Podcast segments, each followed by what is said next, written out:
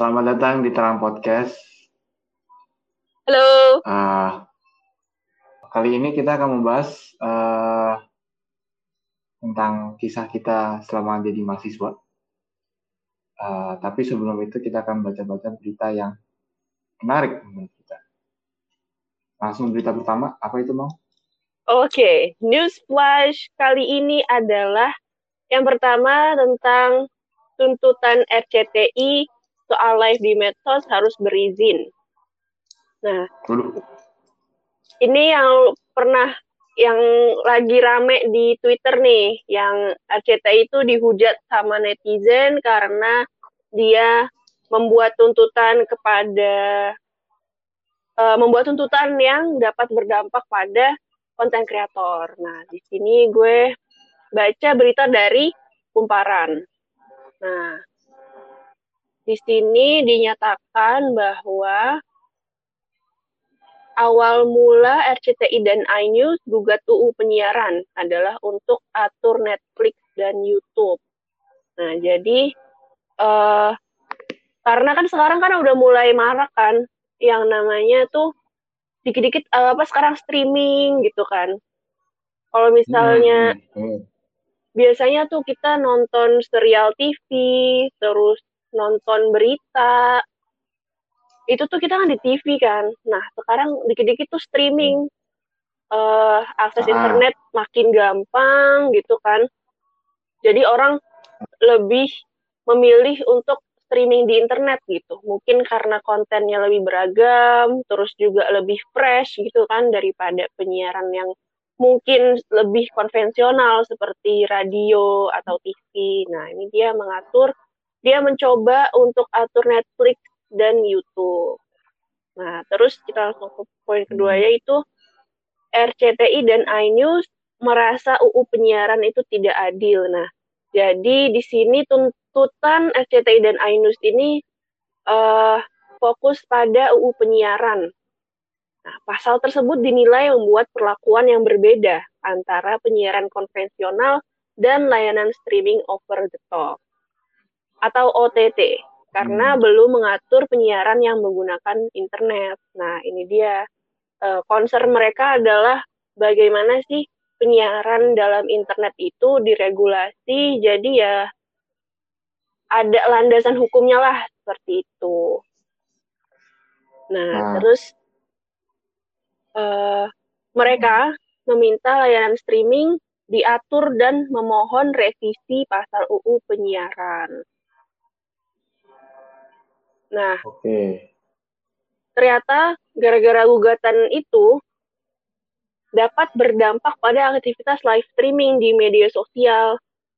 Menurut Kementerian Komunikasi dan Informatika, dalam hal ini berstatus sebagai wakil pemerintah dalam sidang gugatan, akan timbul perluasan yang membuat ketidakpastian hukum bila gugatan RCTI dan iNews dikabulkan. Nah, jadi kalau hmm. misalnya, hmm. jadi uh, pemerintah dalam me memandang gugatan ini tuh, kalau misalnya oke okay, dikabulkan, jadi harus apa ya, harus menggodok peraturan lagi gitu untuk memuaskan gugatan pihak-pihak ini gitu loh. Jadi hmm. ya gugatan ini nggak cuman oke okay, misalnya disetujui terus semuanya berjalan dengan normal gitu. Enggak, tapi harus ada perubahan yang benar-benar secara legal gitu untuk bisa memenuhi gugatan ini. Nah, nah usul kominfonya adalah dibuat undang-undang baru gitu. Saat ini sudah banyak lembaga yang menggunakan layanan OTT dalam kegiatannya. Dari e, lembar, lembaga negara juga, terus pendidikan hingga industri kreatif emang semuanya sekarang apa-apa di medsos kan, Sar? Iya, bener banget. Kayak kalau misalnya suatu lembaga nggak ada di medsos, kayaknya nggak nggak nggak ada gitu, nggak ada eksistensinya gitu hmm. kan.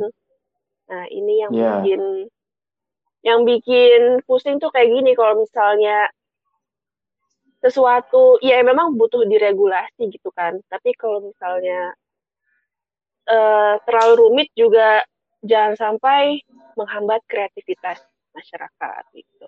Oke. Okay. Nah, terus kan, ke apa tuh?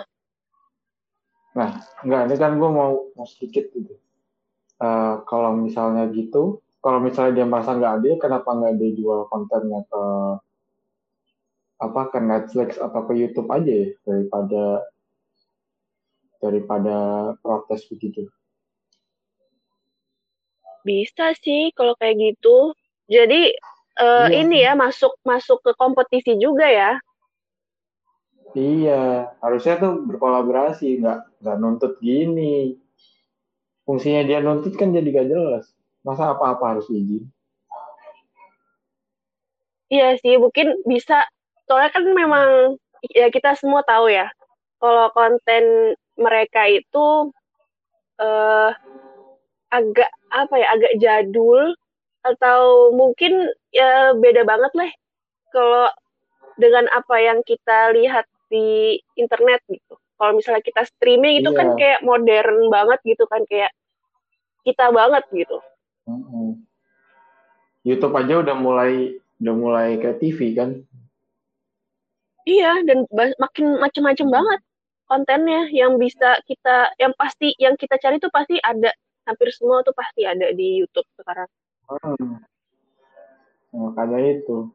YouTube tuh bukan zaman dulu banget kayak dulu gue YouTube cuma ngeliat apa tutorial orang main game. Sekarang lebih dari itu banyak banget.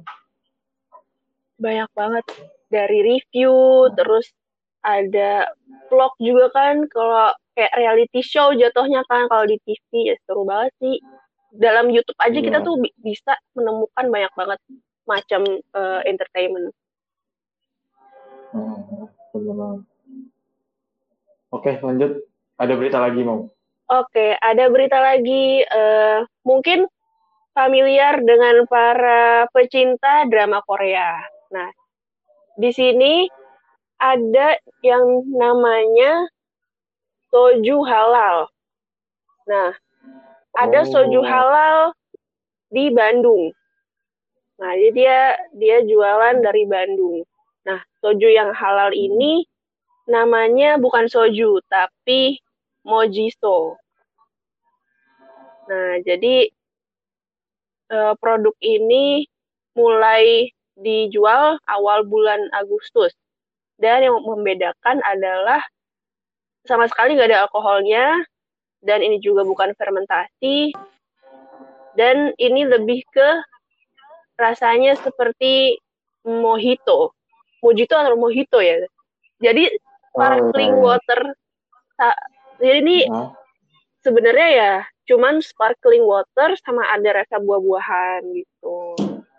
Oh, I see. Nah, tapi tapi apa? Uh, terus terus terus. Jadi uh, karena ini kan kayak uh, imitasi dari soju gitu kan. Jadi uh, penampilannya, packagingnya itu di mirip-miripin sama soju. Kalau misalnya soju itu dia pakai botol hijau bening, terus ada stiker yang tulisannya Korea. Nah, kalau Mojiso ini juga kayak gitu. Jadi botolnya hijau juga, terus ada stiker yang tulisannya Korea. Tapi yang pastinya tulisannya bukan soju ya. hmm. Itu. Eh, Sarah uh, gue jadi inget deh. Uh, kayak gue waktu gue ngekos itu tiba-tiba tuh pas gue lagi nongkrong ada yang nawarin uh, apa namanya uh, brosur brosur brosur yang isinya uh, soju jual soju-soju kayak 400 mili gitu jadi produksi sini sih nggak produksi sini sojunya jadi nggak diimpor gitu. hmm. gitu uh -uh. tapi itu soju ya bukan mojiso iya yang aslinya ya tiba-tiba uh -uh. jadi lagi nongkrong tiba-tiba ditawarin gituan nah terus mengenai tentang uh, apa ya? Kan ini liquor jatuhnya ya. Mm -mm. minuman beralkohol lah. Uh, uh, ada di Palestina itu namanya uh, bir bir kosher. Ya bir kosher dan halal gitu deh. Jadi menurut beberapa orang itu uh, rasanya mirip-mirip bir gitu, cuma dia nggak mengandung alkohol. Hmm, jadi cuman memang rasanya aja tapi nggak ada efek alkohol dan nggak ada kandungannya sama sekali gitu ya? Iya. Nah itu uh, pabriknya dibuat tahun 94 uh, saat konflik Palestina dan Israel mereda. Hmm. Uh, yang buat itu namanya Nadim Nadim Huri. Uh, sekarang udah sekarang nggak tinggal di nggak tinggal di Palestina, sekarang tinggal di US. Uh, nah ini bir ini ada tiga rasa, yaitu golden, dark, dan white. Rasanya sih katanya mirip-mirip gitu, bir gitu. Gua gua nggak tahu sih. Oh. Nah, katanya katanya bisa di inilah. Nah ini di Indonesia tuh ada aslinya uh, produksi bir juga yang halal juga. Ini gue nggak tahu sih namanya bir tapi tapi emang kemasannya bir banget. Jadi di Indonesia tuh ada jualan namanya tepatnya di Jombang itu ada bir tapi rasanya rasa kopi. Bir birnya itu ya. bir beneran enggak birnya uh, non alkohol sih hmm oke okay. nah itu dia uh, apa uh, campurannya kop, uh, ada rasa kopi karamel uh, dan uh, soda tapi gue pernah nyoba yang coffee beer ini rasanya tuh soda banget sih tapi tulisannya aja coffee beer jadi uh, apa namanya berapa orang mungkin ngiranya ini bir kali ya tapi ini rasanya soda banget sih menurut gue hmm, jadi ya cuman buat asik-asik aja kali ya kalau hmm. misalnya judulnya tuh ada birnya ya, gitu ya, ya. Nah, botolnya botolnya botol bir banget kayak beli bintang gitu hmm, yang gue penasaran tuh terkait bir tanpa alkohol ini. Jadi kan kalau di Indonesia hmm. itu kan ada Majelis Ulama Indonesia yang mengeluarkan label halal gitu untuk uh, berbagai macam makanan dan minuman. Bahkan gak cuma makanan dan minuman uh, cairan pembersih juga ada halalnya. Itu. Oh. Nah, kalau okay. kalau misalnya ini bir yang halal ini itu kan dia gak ada alkohol sama sekali gitu kan otomatis eh, ya bisa yeah. jadi halal gitu bisa jadi dilabelkan halal gitu tapi yang gue pikirin apakah mm-hmm. eh, MUI itu mau ngasih izin ngasih label halal ke merek ini gitu soalnya yang gue lihat tuh kalau misalnya di supermarket kan ada merek uh, merek bir mm-hmm. yang beneran dia ngeluarin bir tapi mm-hmm. dia juga ngeluarin uh, minuman yang alkoholnya gak ada 0% dan itu gak ada label halalnya. Nah itu kayak sih ada hmm. kriterianya soalnya okay. gue nggak tahu kenapa ya. Mungkin karena ini uh, merek bir jadi walaupun dia ngeluarin yang gak ada alkoholnya sama sekali, tapi tetap aja nggak bisa dikasih label halal gitu. Nah ini gue nggak tahu nih kalau misalnya Mojiso atau uh, coffee beer itu bisa benar-benar mendapatkan label hmm. resmi dari MUI gitu. Nah, lalu uh, jadi Mojiso sama coffee beer ini dua-duanya minuman soda aslinya yang gue tahu ya. Mm -mm. Jadi coffee beer ini uh, namanya doang bir, tapi uh, itu tuh minuman soda. Hmm, hmm, hmm. Iya sih. Kayak lu beli kayak lu beli Coke gitu loh. Cuma rasanya bukan rasa bukan rasa cola tapi rasanya rasa kopi gitu gitu doang nah itu satu kalau mau Mojiso kan dia uh, intinya lu kayak beli apa sih? Kalau di supermarket itu ada yang sparkling water cuman nggak ada rasanya kan? Nah ya itu sama. Jadi esensinya emang ya cuman minuman uh, bersoda atau sparkling water gitu ya. Hmm, nah kalau yang yang lo sebutin tadi di isi supermarket itu yang yang yang jual bir dan jual minuman 0% mm. itu itu emang bukan karena merek sih setahu gue karena ada bahan tertentu yang nggak bisa buat jadi halal gitu jadi emang nggak bisa dikeluarin di MUI-nya mm. oke okay. tapi ya dia kan emang nggak jual dia kan emang nggak fokus di 0 persennya itu ya fokusnya kan yang ada alkohol ya jadi ya nggak masalah iya benar juga benar aku juga bodo amat ya kali alright menarik nah. sih mungkin mungkin di masa depan bisa ada mungkin di yeah. Mojiso ini atau Coffee Beer ini mungkin karena memang esensinya cuma sparkling water bisa dapat ini nih apa label halal dari MUI gitu. Tapi cafe beer udah udah halal kok, udah udah halal ya. Tapi emang emang dia nggak masuk uh, kayak minimarket, hmm. convenience store gitu sih. Dia biasanya di, oh. di coffee shop. Aku jadi gitu. mau nyobain tuh, kayak rasa kopi kayaknya enak.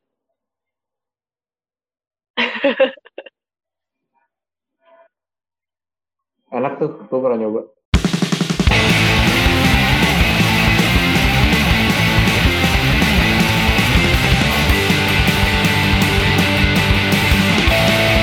Nah, uh, uh. tadi lu tadi gue gue inget lu pernah ngomong yang tadi lu dapet brosur pas lo masih jadi mahasiswa yang brosur soju itu. Hmm. Nah, kan yeah. tema kita hmm. malam ini adalah uh, tentang kehidupan kita sebagai mahasiswa gitu kan. Nah, karena kita berdua ini sudah lulus, Nah, gue gue pengen tahu nih, pernah gak sih? Hmm. Sebenarnya lu kangen gak sih sama kegiatan selama menjadi mahasiswa? Gue gue jujur kangen banget sih. Kayak gue kangennya tuh lebih ke kalau kuliah ya biasa ya, ya kayak lu ke SMA gitu. Uh, datang pagi, pulang sore gitu, gitu kan. Nah, gue tuh lebih kangen ketika bekerja uh, lebih kayak kegiatan di luar aktivitas belajar mengajar sih kayak apa kayak kayak ya berkegiatan kayak berorganisasi gitu sih. Hmm, organisasi. Gue kangen banget. Waktu lo gitu. jadi mahasiswa, lo hmm. lo itu jurusan apa dan organisasi yang lo berkecimpung di sana tuh apa sih? Nah, ini ada ribet sih jurusan gue itu uh, sistem komputer dengan mengambil uh, konsentrasi di otomotif oh. and robotics engineering. Uh, gue dulu waktu mahasiswa, waktu jadi mahasiswa gue ber uh, apa uh, mengikuti organisasi uh, mengikuti organisasi di apa namanya kayak kayak organisasi riset gitu namanya uh, Base Sam Team. Itu dia uh, riset mengenai uh, apa namanya membuat eh mendesain sebuah mobil uh, eh iya mendesain sebuah mobil uh, dengan hmm, apa ya dengan konsumsi hmm. bahan bakar yang sedikit gitu Oke, jadi uh, jadi sebenarnya lu uh, dalam organisasi ini ini lu uh, jabatannya apa terus hmm. Departemennya tuh dia tuh ngapain gitu?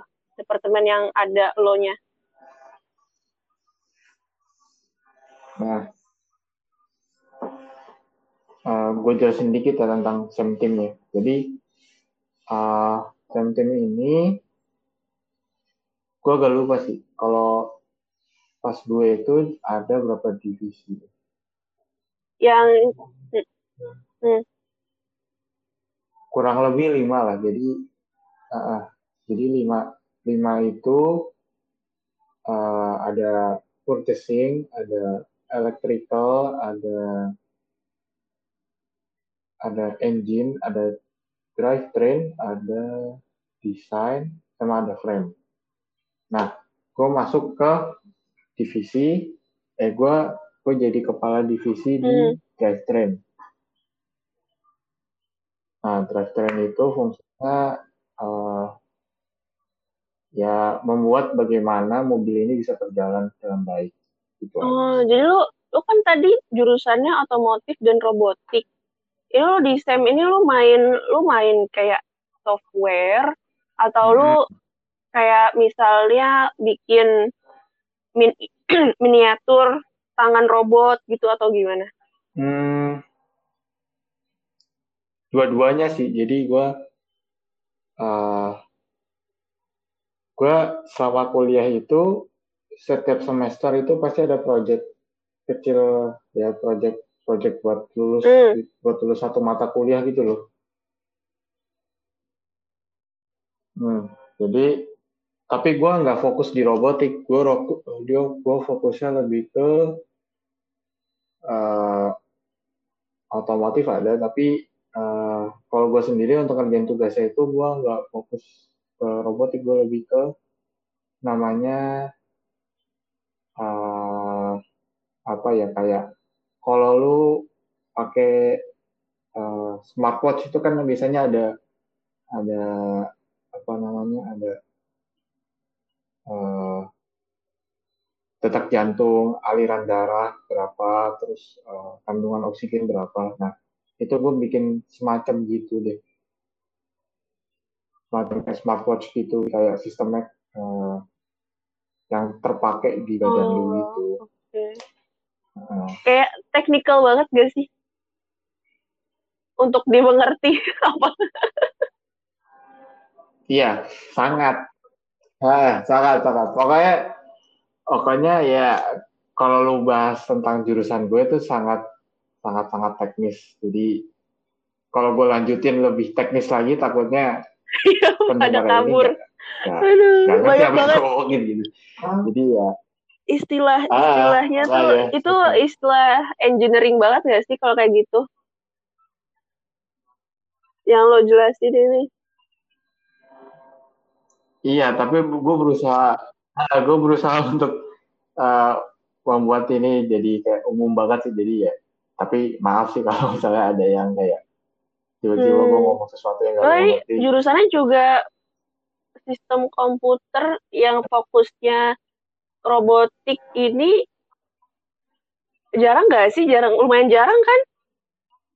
Aslinya kalau lo, ya kalau lo lihat di uh, kalau uh, mungkin negeri setahu gue nggak ada sih tapi kalau swastanya ada satu lagi kayak uh, ada kampus satu lagi di dekat ya bukan dekat gue apa dekat uh, di di Serpong sana ada di BSD sana ada ada satu kampus lagi yang ngebahas hal yang kurang lebih sama lah sama kayak hmm. juga. Jadi bisa jadi di PTN nggak ada ya. Berarti ini banget kayak mungkin juga baru dan sangat apa ya, sangat spesifik gitu kali ya. Hmm. Iya, kalau gue ngerti sih kalau PTN kenapa nggak mau buka jurusan kayak gue gini. Cuma setahu gue ada yang buka, cuma dia masih sistemnya D3 kalau nggak salah. Hmm. Jadi belum S1. Untuk jurusan yang kurang lebih sama kayak gue. Menarik, menarik. Oh. D3, D3 atau D4 gitu. Pokoknya bukan S1 deh, setahu gue. Gue jadi gue jadi inget waktu gue mahasiswa itu gue jurusannya jurusan juta umat kali ya bareng-bareng sama uh, kayak jurusan komunikasi yang juga sejuta umat juga jadi gue fakultasnya ekonomi dan uh, jurusannya manajemen nah itu kalau dibandingkan dengan cerita lo kayak cerita lo itu seru banget gitu yang apa dari jurusannya yang spesifik banget, teknikal banget, terus juga organisasi lo tuh sejalan sama jurusan uh, kuliah lo gitu. Kalau gue mungkin uh, cerita gue hmm. sangat singkat, padat dan jelas karena ya gue ikut gue hmm. ngambil jurusan manajemen terus uh, organisasinya tuh organisasi yang hmm. lumrah banget deh, yang semua uh, semua lembaga pendidikan, maksudnya kayak universitas, SMA, terus SMP, itu tuh pasti ada gitu loh, yang bener-bener klasik banget deh. Nah, gue ikut Rohis, uh, hmm. organisasi rohani Islam waktu gue kuliah. Nah, di situ gue menjabat jadi uh, semacam koordinator untuk pengembangan diri gitu. Jadi kalau misalnya uh, kita Rohis itu dia bikin program untuk masyarakat kampus, nah itu biasanya yang menyelenggarakan adalah departemen gue. Jadi misalnya ada uh, satu satu periode misalnya ada dua hmm. acara besar gitu kan misalnya uh, benchmark ke organisasi eh, benchmark ke rohis kampus lain. Terus kalau misalnya kita pas ngadain seminar gitu kan. Terus juga kalau misalnya uh, aktivitas bulanan kita tuh ada semacam mentoring gitu jadi uh, kita minta bantuan asisten dosen hmm. di kampus kita untuk uh, membantu mentor teman-teman kita yang mau UAS atau UTS itu. Terus ya hmm. gue nggak tahu kenapa pengalaman organisasi gue tuh nggak mengenakan mungkin karena pribadi gue yang kurang cocok sama budaya uh, organisasi yang ini gitu. Jadi ya ya gitu-gitu aja sih. Ya gue hmm. bersyukur banget bisa masuk organisasi bisa kerjasama dalam tim mencapai suatu tujuan gitu. Kayak kerja bareng serius bareng gitu kan. Tapi uh, ya gue nggak bisa mendapatkan gue nggak bisa mengerahkan potensi gue secara maksimal di situ. Ya bukan salah siapa-siapa sih mungkin memang uh, ya emang gue pengalamannya hmm. cuman sampai situ aja terus gak cocok juga jadi ya bukan salah organisasi juga sih. Iya gitu. Kayak gak asik banget tapi menurut gue uh, organisasi lo eh apa prohis ini yang dibayangkan gue ya itu tuh nggak nggak kayak lu gitu. Kayak lu misalnya kan kayak buat acara uh, apa kalau ada uas terus ada mentoring gitu-gitu. Mm -mm. ada tutoring gitu-gitu kan. Gue pikiran gue tuh nggak nyampe segitunya. Gue kira tuh nggak nggak ada tuh gitu-gitu. Nggak ada bakal kayak ada tutoring gitu-gitu. Mm. nah gue tuh di di di kampus gue juga ada kayak rohis gitu. Cuma cuma gue nggak ngerti tuh kayak dibatasin sama kampus kegiatannya apa gimana. Tapi mereka itu untuk ngadain uh, apa namanya jumatan aja tuh udah senang banget di kampus gue. Termasuk acara yang besar untuk rohis kampus lo gitu ya? Gitu loh. Iya bener banget. Jadi kayak uh, misalnya di apa di masjid apa di musolanya itu ngadain uh, apa namanya ngadain uh, sholat jumat. Terus biasanya suka ada kayak grup-grup kecil mm -hmm. kayak apa sih namanya liko ya kalau salah namanya. Nah itu liko. Terus uh, ada uh, buka puasa. apa namanya hmm, ya buka puasa bareng gitu-gitu kayak udah senang banget. Kayak maksud gue lebih lebih agamis gitu loh. Nggak lu kan kayaknya ada yang uh, akademis juga kan. Ini tuh nggak benar-benar sama sekali nggak ngurusin itu gitu. Dia cuma ngurusin bagaimana lu bisa uh, ibadah dengan tenang di, di kampus udah gitu doang. Hmm, ya mungkin lumayan emang lumayan gede sih rohis gue itunya kayak organisasinya. Mungkin. Jadi yang da, yang lo sebutin juga ada. Uh-uh. Ya mungkin skupnya emang lebih gede. Skupnya emang lebih besar sih kayaknya kalau yang di kampus lu. Gue ngerti kayak uh, di di kampus gue itu ada yang ngurusin juga kayak punya lo gitu apa gimana? Iya. Tapi menurut gue keren juga sih. Mungkin faktor umur gak sih? Kayak kampus lu sama kampus gue tuh lu lu udah berapa puluh tahun? Binus itu 30 eh oh. udah hampir 40 tahun deh kayaknya. Dan Rohisnya itu kayaknya Rohisnya itu kayaknya uh, kalau nggak salah Rohisnya itu nggak nggak baru hmm. udah lama hmm. juga gitu ya. Tapi emang rohis kayak organisasi kerohanian di kampus hmm. gue nggak cuman rohis doang tapi eh, agama-agama lain juga mirip juga kayak ngasih mentoring juga. Mungkin budayanya iya. kampus gue kali ya. Ya nggak tahu sih. Mungkin sih ya nggak tahu sih. Dan itu by the way itu gue nggak gue nggak begitu kangen sih sama ya gue jujur aja gue gak begitu kangen sama kayak kegiatan organisasi gue karena sangat problematik. Kayak problem internal tuh apa rumit banget deh. Sampai gue juga gak ngerti akhir dari cerita problem organisasi gue tuh kayak gimana. Karena gue kayak kayak outsider gitu jadi gue nggak tahu apa-apa.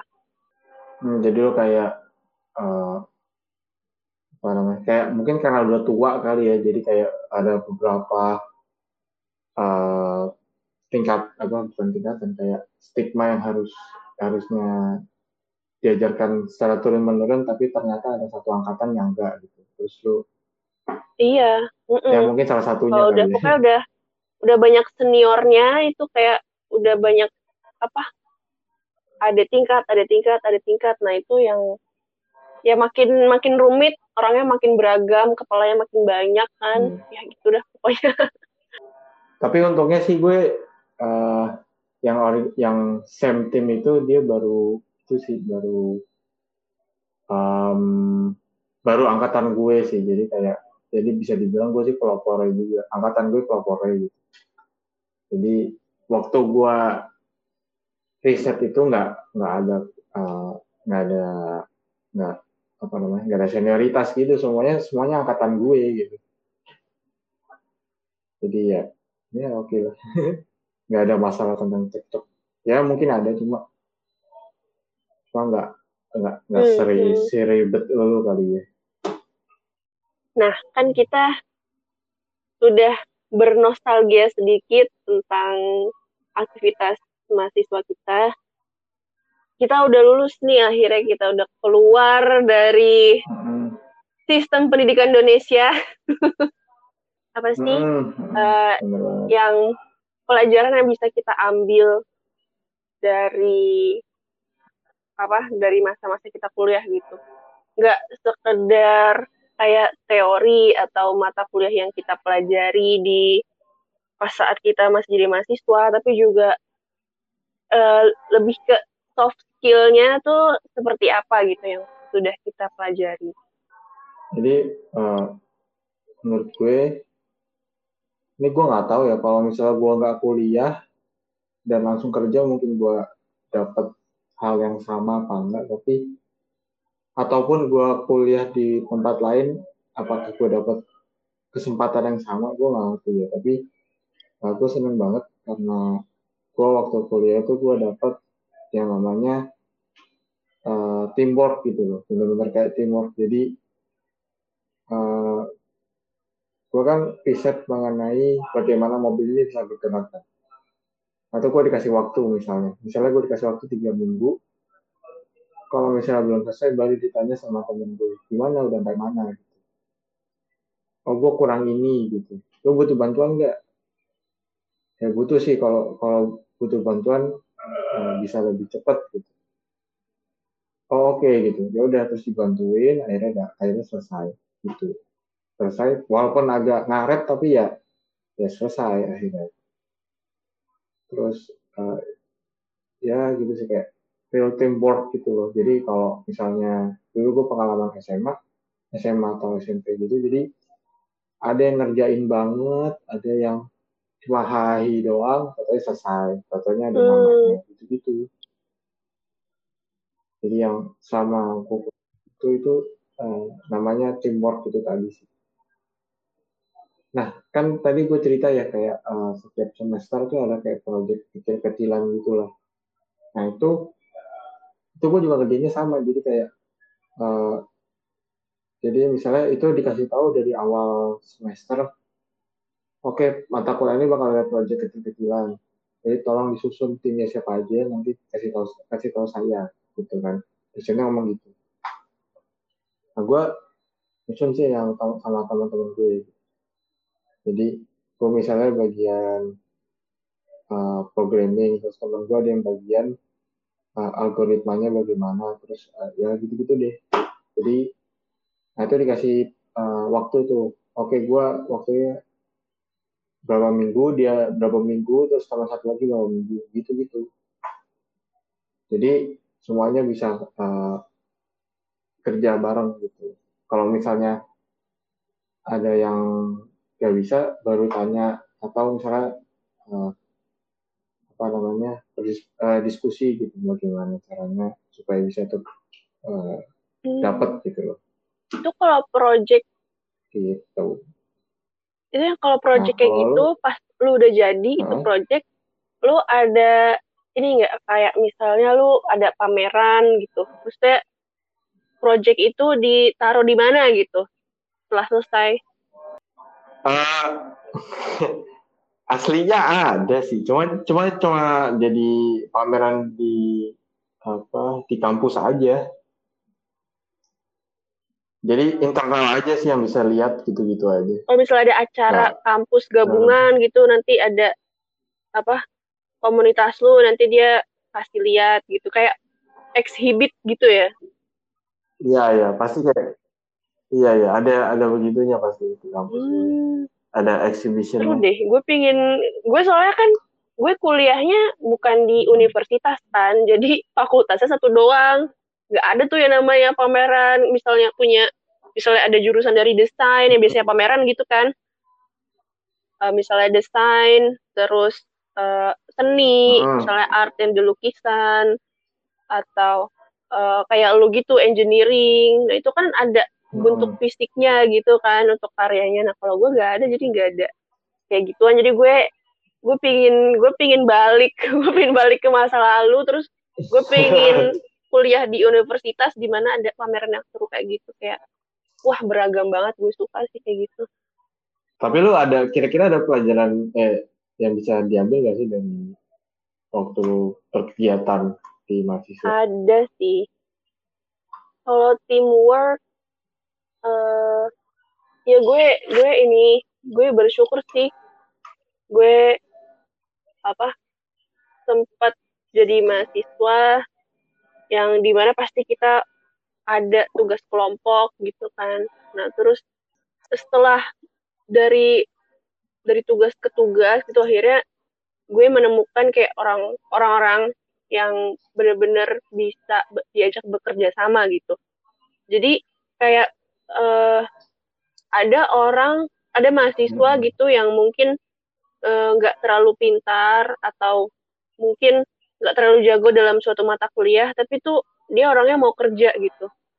Dan kayak jadinya hmm. enak aja gitu kalau misalnya punya kalau misalnya ada mahasiswa yang memang benar-benar dia tuh tanggung jawab terhadap apa yang ditugaskan gitu dan gue ketemu macam-macam orang yang ogah-ogahan untuk uh, ngerjain tugas nah itu biasanya kalau misalnya kalau di gue ya jadi kalau udah semester lima ke atas itu uh, pokoknya udah tau lah gengnya sama siapa gitu. Dan kalau misalnya nggak disuruh dosennya untuk milih anggota kelompok secara acak pasti kita udah geng-gengan. Pasti ya, males lah uh, satu geng sama orang yang males gitu. Biasanya yang orang-orang males satu geng terus orang-orang yang rajin tuh satu geng gitu. Jadi ya terus sih. Yang gue yang gue mah ya gue belajar untuk menghargai kehadiran orang-orang berbagai macam orang. Gitu. Iya sih kayak ya di kampus gue juga ada sih yang gitu. Ya, kalau ngerjain tugas pas uh, jadi ada nih kayak satu cerita sama teman gue. Jadi kalau nggak salah berempat di kelompoknya. Tiga ini kerja satu ini cuma modelin doang. Modelin hmm. duit. Hmm, jadi uh,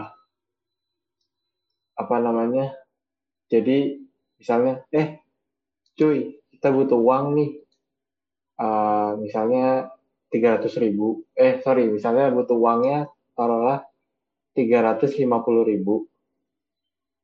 Nah, bertiga ini lima puluh ribunya uh, patungan. Nah, dia suruh bayar tiga ratusnya sendiri. Wah, kasihan banget sih. Tapi tapi dia nggak dia nggak tahu apa, pokoknya selesai. Jadi udah gitu doang.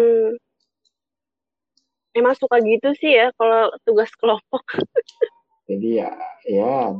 Nyebelin. Uh -uh. Ah.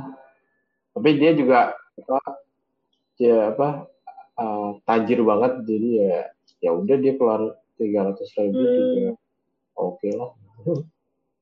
ya ada peran masing-masing sih dalam tugas kelompok ya. Contohnya kayak gitu.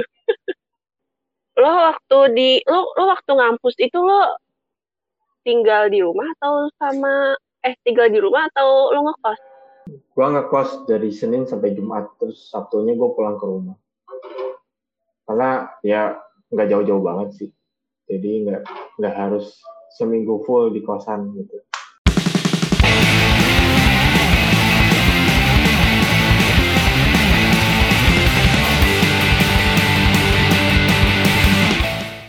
Setelah lulus ini rencana tuh lu mau ngapain? Oh gue udah gue udah dapet udah dapet kerja. ya planningnya sih gue sambil jalan aja. Soalnya gue masih uh-huh. pingin banget live in the moment aja. Kayak let it flow aja. Gue gak tahu kayak orang-orang tuh udah ada planning hidup tapi gue masih let it flow. Oh. gue karena baru lulus bulan dua bulan yang lalu ya. Jadi uh, ya gue mungkin berpikiran sama lah sama kayak lu cuma uh, cuma nyokap gue nyuruh gue untuk uh, meneruskan usahanya. Nah, permasalahan meneruskan usahanya itu ada beberapa yang mungkin peralatan ini udah rusak tapi harus diganti gitu. Nah, gue tuh kadang-kadang tuh harus mikir hmm. untuk ngutang gitu. Eh, S2 lah S2. Amin. Nah, nah di pilihannya sekarang itu ada banyak ternyata gue baru tahu tuh kemarin. Jadi ada ada ada dari bank, terus ada pegadaian. Pegadaian itu lo kayak uh, jadi lo ada jadi lo misalnya gadain kamera gitu. Nah nanti pe, uh, pegadaian ini ngasih duit lu berapa terus nanti lu tebus lu cicil lu tebus nanti kalau barangnya udah udah ketebus nanti lu bisa balik lagi gitu barangnya gitu jadi kayak istilahnya uh, jaminan langsung gitu loh. Nah, kalau bank juga ada jaminannya. Cuma biasanya kalau bank itu dia mungkin untuk pinjaman skala besar kali ya kayak bangsa uh, nggak tahu mungkin minimal 100 juta atau berapa. Mm, -hmm. Nah ini ada satu nih yang menurut gue menarik gitu. Ada pinjaman online gitu. Jadi setelah kemarin tuh gue liat iklan-iklan tentang uh, pinjaman online ada ada yang kayak lo baru daftar udah dapat limit 30 juta yang gue bingung dia nggak ada jaminan gitu menurut iklannya sih seperti itu. Jadi kayak lu daftar langsung dapat limit 30 juta setelah dia approve gitu. Jadi yang gue tahu mungkin dia ngecek uh, tabungannya uh, ya tabungannya terus aktivitas tabungannya gimana gitu kali ya. Nah itu gue gak ngerti sih. Jadi kayak apakah semua orang bisa dapat limit 30 juta atau gimana? Gue nggak paham hmm, jadi kalau hmm. 30 juta itu lumayan gede sih. Kalau misalnya jaminannya tuh gak ada. Hmm.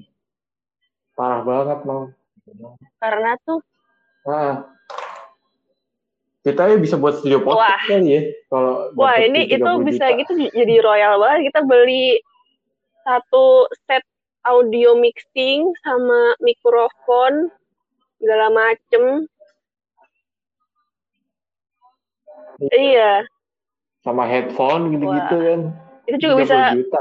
taruh budget uh. untuk promosi gitu kan. Kita nggak nggak promosi doang kita bisa uh, apa ngundang guest guest star gitu ya untuk jadi narasumber dengan duit itu. Wow hmm. seru banget. Hmm. bener banget bener banget. Nah itu pinjaman online gue nggak ngerti sih kenapa bisa segampang itu gitu loh. Maksudnya sebenarnya yang terjadi itu kayak apa? Gue tuh mau mau minjam online di pinjaman online itu tapi gue takut uh, ternyata banyak uh, terms and condition yang hmm. sesuai gitu loh. Iya sih kalau misalnya kayak pinjaman yang bukan online kayak pinjaman konvensional gitu sebelum kita sebelum si peminjamnya itu dia hmm. boleh minjem uang ke bank itu tuh ada uh, cara penilaian bank yang dilakukan terhadap peminjam itu jadi kalau misalnya anak ekonomi nih pasti familiar dengan yang namanya dengan 5T. Jadi ada karakter, capacity, capital, collateral, dan condition. Nah ini seharusnya uh, lembaga pinjaman itu pasti harus melihat karakternya si nasabah ini dari segi kepribadian nasabah.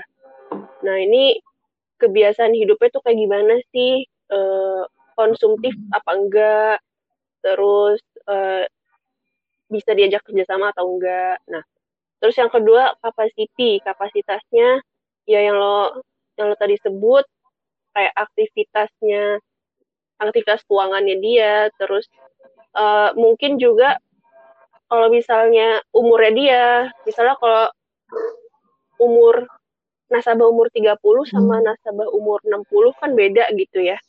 Uh, secara umum kita lihat mm -mm, cara dia bisa hmm, mendapatkan penghasilan itu pasti beda gitu kan.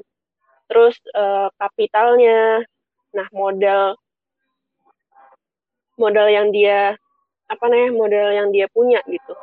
Jadi uh, semacam ya semacam kalau misalnya punya toko, nah itu bisa juga jadi penilaian untuk bank. Nah, terus kolateral. Nah, yang lo bilang tadi jaminan kalau misalnya pinjol kan bisa tanpa jaminan. Kalau misalnya bank mungkin terga mungkin ada juga tanpa jaminan, tapi yang gue tahu biasanya ada uh, barang untuk dia tuh ngejamin gitu misalnya motor atau rumah di mana kalau misalnya amit-amit sampai gagal bayar, uh, barang jaminan itu bisa disita sama bank. Nah, terus terakhir itu condition. Jadi uh, hmm. terkait dengan faktor luar di luar dari bank dan nasabahnya. Jadi misalnya uh, ekonomi negara lagi resesi atau seperti apa gitu kan uh, faktor mikro ekonomi mikro dan makro yang bisa mempengaruhi mungkin uh, suku bunga dan segala macam. Nah itu kita juga harus lihat gitu deh hmm. nah aslinya uh, uh, sebut merek aja kali ya uh, aslinya uh, yang terkenal mm. pinjaman online itu kan nah uh, beberapa kayak gue sering banget ngeliat uh, ada di dekat-dekat kosan tuh tulisannya debt collector dilarang masuk. Terus waktu itu gue lagi di Bandung sih di kosannya teman gue. Terus gue tanya, lo kok ada ada tulisan debt collector depan kosan lu gitu? Iya itu uh, debt collector. Nah, kenapa emang? Terus gue, terus dia soalnya suka ya mahasiswa gitu deh suka beli gadget-gadget gitu tapi ujungnya nggak bisa bayar hmm. Nah itu malah dicecer gitu loh maksud gua uh, apakah kayak sampai dicecer gitu atau gimana hmm. iya sih kalau misalnya ya memang kan kalau misalnya kita coba melihat perspektif eh, kita coba dari perspektif banknya gitu atau lembaga pinjol gitu. Jadi ya hmm. kalau kita mau narik nasabah sebanyak mungkin, ya logikanya adalah kita buat persyaratannya segampang mungkin gitu. Jadi lebih banyak orang yang bisa pinjam ke kita gitu kan. Nah, marak maraknya pinjol tanpa jaminan dan syarat ini ya karena dia pingin nasabahnya banyak gitu kan. Dan kalau misalnya oh. kan banyak juga nasabah yang nggak punya jaminan juga gitu dan juga uh, lihat lagi limitnya tuh berapa butuh nggak sih limit hmm. segini tuh pakai jaminan segala gitu kan dan juga dari apa hmm, berarti ya ya ya ya oke oke jadi dari oke. dari sisi Terus bank lagi. dari sisi pinjolnya juga dia ngelihat uh, tadi juga cash flow-nya kayak aktivitas keuangannya dari rekeningnya. Terus kalau misalnya tanpa jaminan, lah kalau misalnya gagal bayar gimana nasabahnya gitu. Biasanya kan gagal bayar bisa jadi mungkin bunganya ketinggian atau dia memang tiba-tiba ada kebutuhan mendesak di mana dia nggak bisa uh, provide uh, uang saat itu. Nah itu kan dipertimbangkan juga. Bisa jadi si banknya ini uh, karena dia nggak ada jaminan, hmm. Ya udah deh uh, bunganya ditinggiin gitu. Ini gue ada sumber dari internet dari hmm. duitmu.com. Nah itu dari salah satu pinjol itu misalnya uh, pinjam 8 juta dibayarnya tiga kali cicilannya tuh 3 mm-hmm. juta cicilannya tuh per pembayaran 3 juta 415 mm-hmm. ribu nah itu dari kalau misalnya di total setelah udah mm-hmm. lunas semua itu dari pinjaman 8 juta pembayarannya tuh bisa 10 juta. 9 juta? Iya. Iya 9 juta total bunganya tuh lumayan gede 28 persen gitu. Dan ketentuannya cuman hmm. usia atas 20 tahun dan di bawah 50 tahun gitu. Yang tadi gue sebutin yang kalau misalnya ada uh, kondisi umur nah ini juga dipertimbangkan di sini. Terus memiliki KTP dan NPWP memiliki pekerjaan tetap dan memiliki akun rekening bank atas nama sendiri. Itu gampang banget gak sih? Ya semua semua orang Ya tapi berarti uh, berarti kalau yang gue baca di sini ya? sih nggak bisa. Nggak tahu kalau pinjol yang lain ya. umumnya sih di atas 21 sih. Hmm.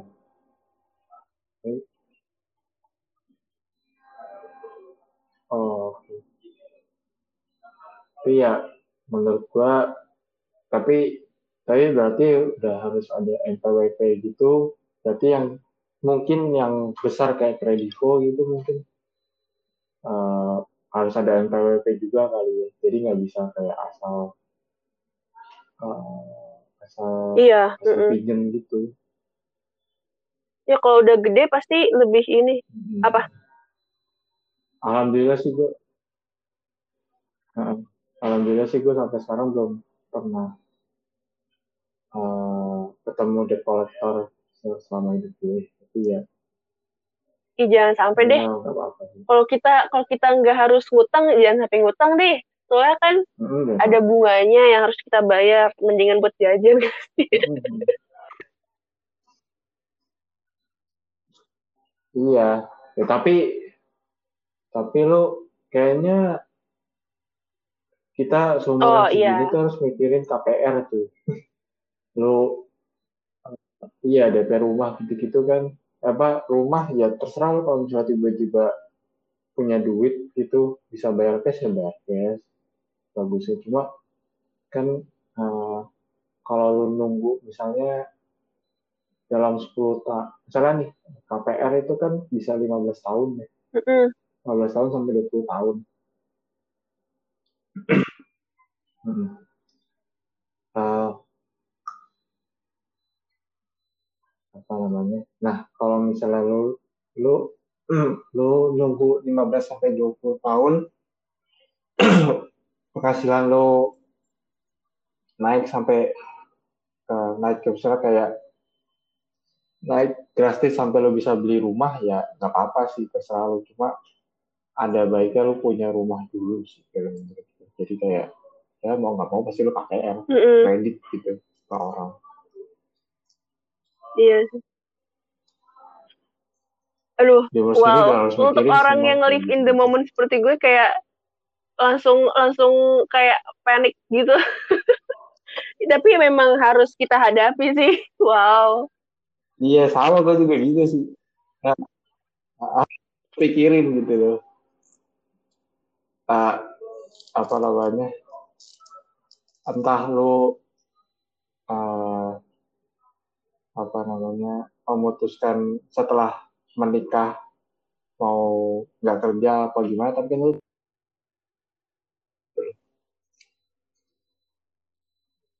kayak uh, per bulannya berapa terus oh, iya kayak gue gue benar-benar harus gue harus nabung kayak dari sekarang gue terus nabung untuk beli rumah sih.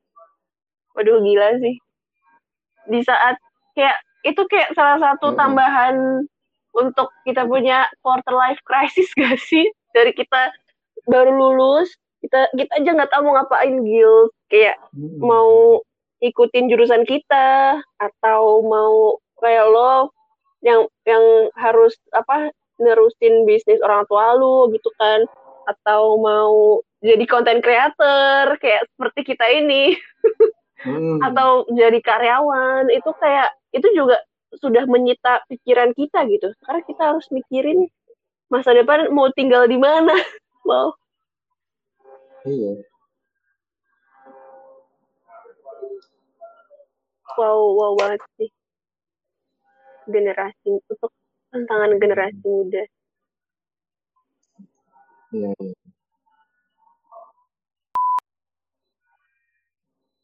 Oke. Okay.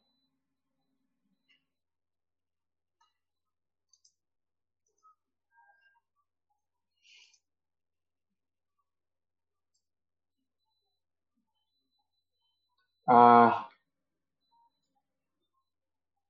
Oke, okay, ya. Oke. Okay. Sebenarnya sudah semua sudah kita cover. Hmm. Iya sih. Uh, tapi ya, hmm, oke okay lah.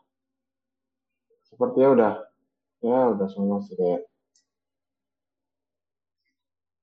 Hmm, baguslah kalau misalnya. Uh, tapi menurut gua tetap kayak kredit itu membuat orang jadi mampu sih. Itu yang gua gua nggak suka aslinya. Kenapa kenapa gitu? Menjadi gimana?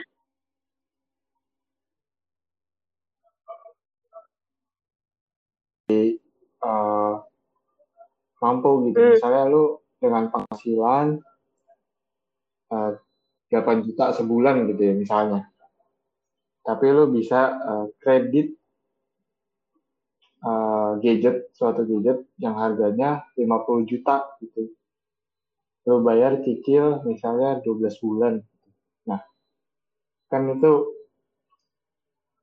jadi membuat pikiran orang menjadi mampu gitu.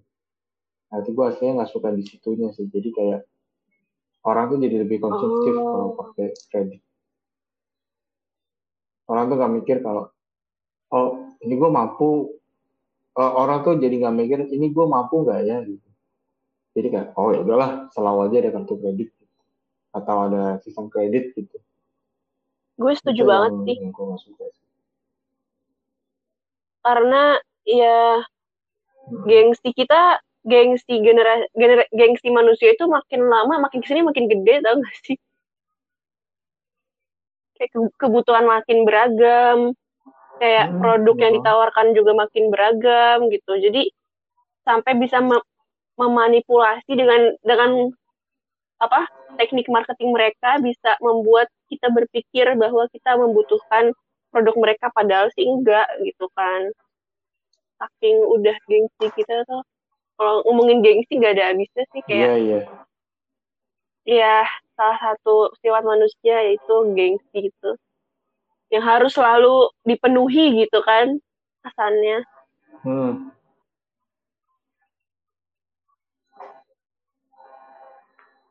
Oke, okay, uh, eh, mungkin sampai sini aja kali ya uh, kesimpulannya. Potong. potong kartu kreditku potong kartu kreditku oke okay, uh, eh, terima kasih yang udah dengerin sampai segini kayaknya bakal lebih eh kayaknya ini sejam pas sih bakal sejam pas jadi ya uh, apa namanya suatu prestasi buat kita juga ngomongin sesuatu jadi kompak Oke. Oke, uh, sampai sini aja kali ya. See you uh, next episode. Bye.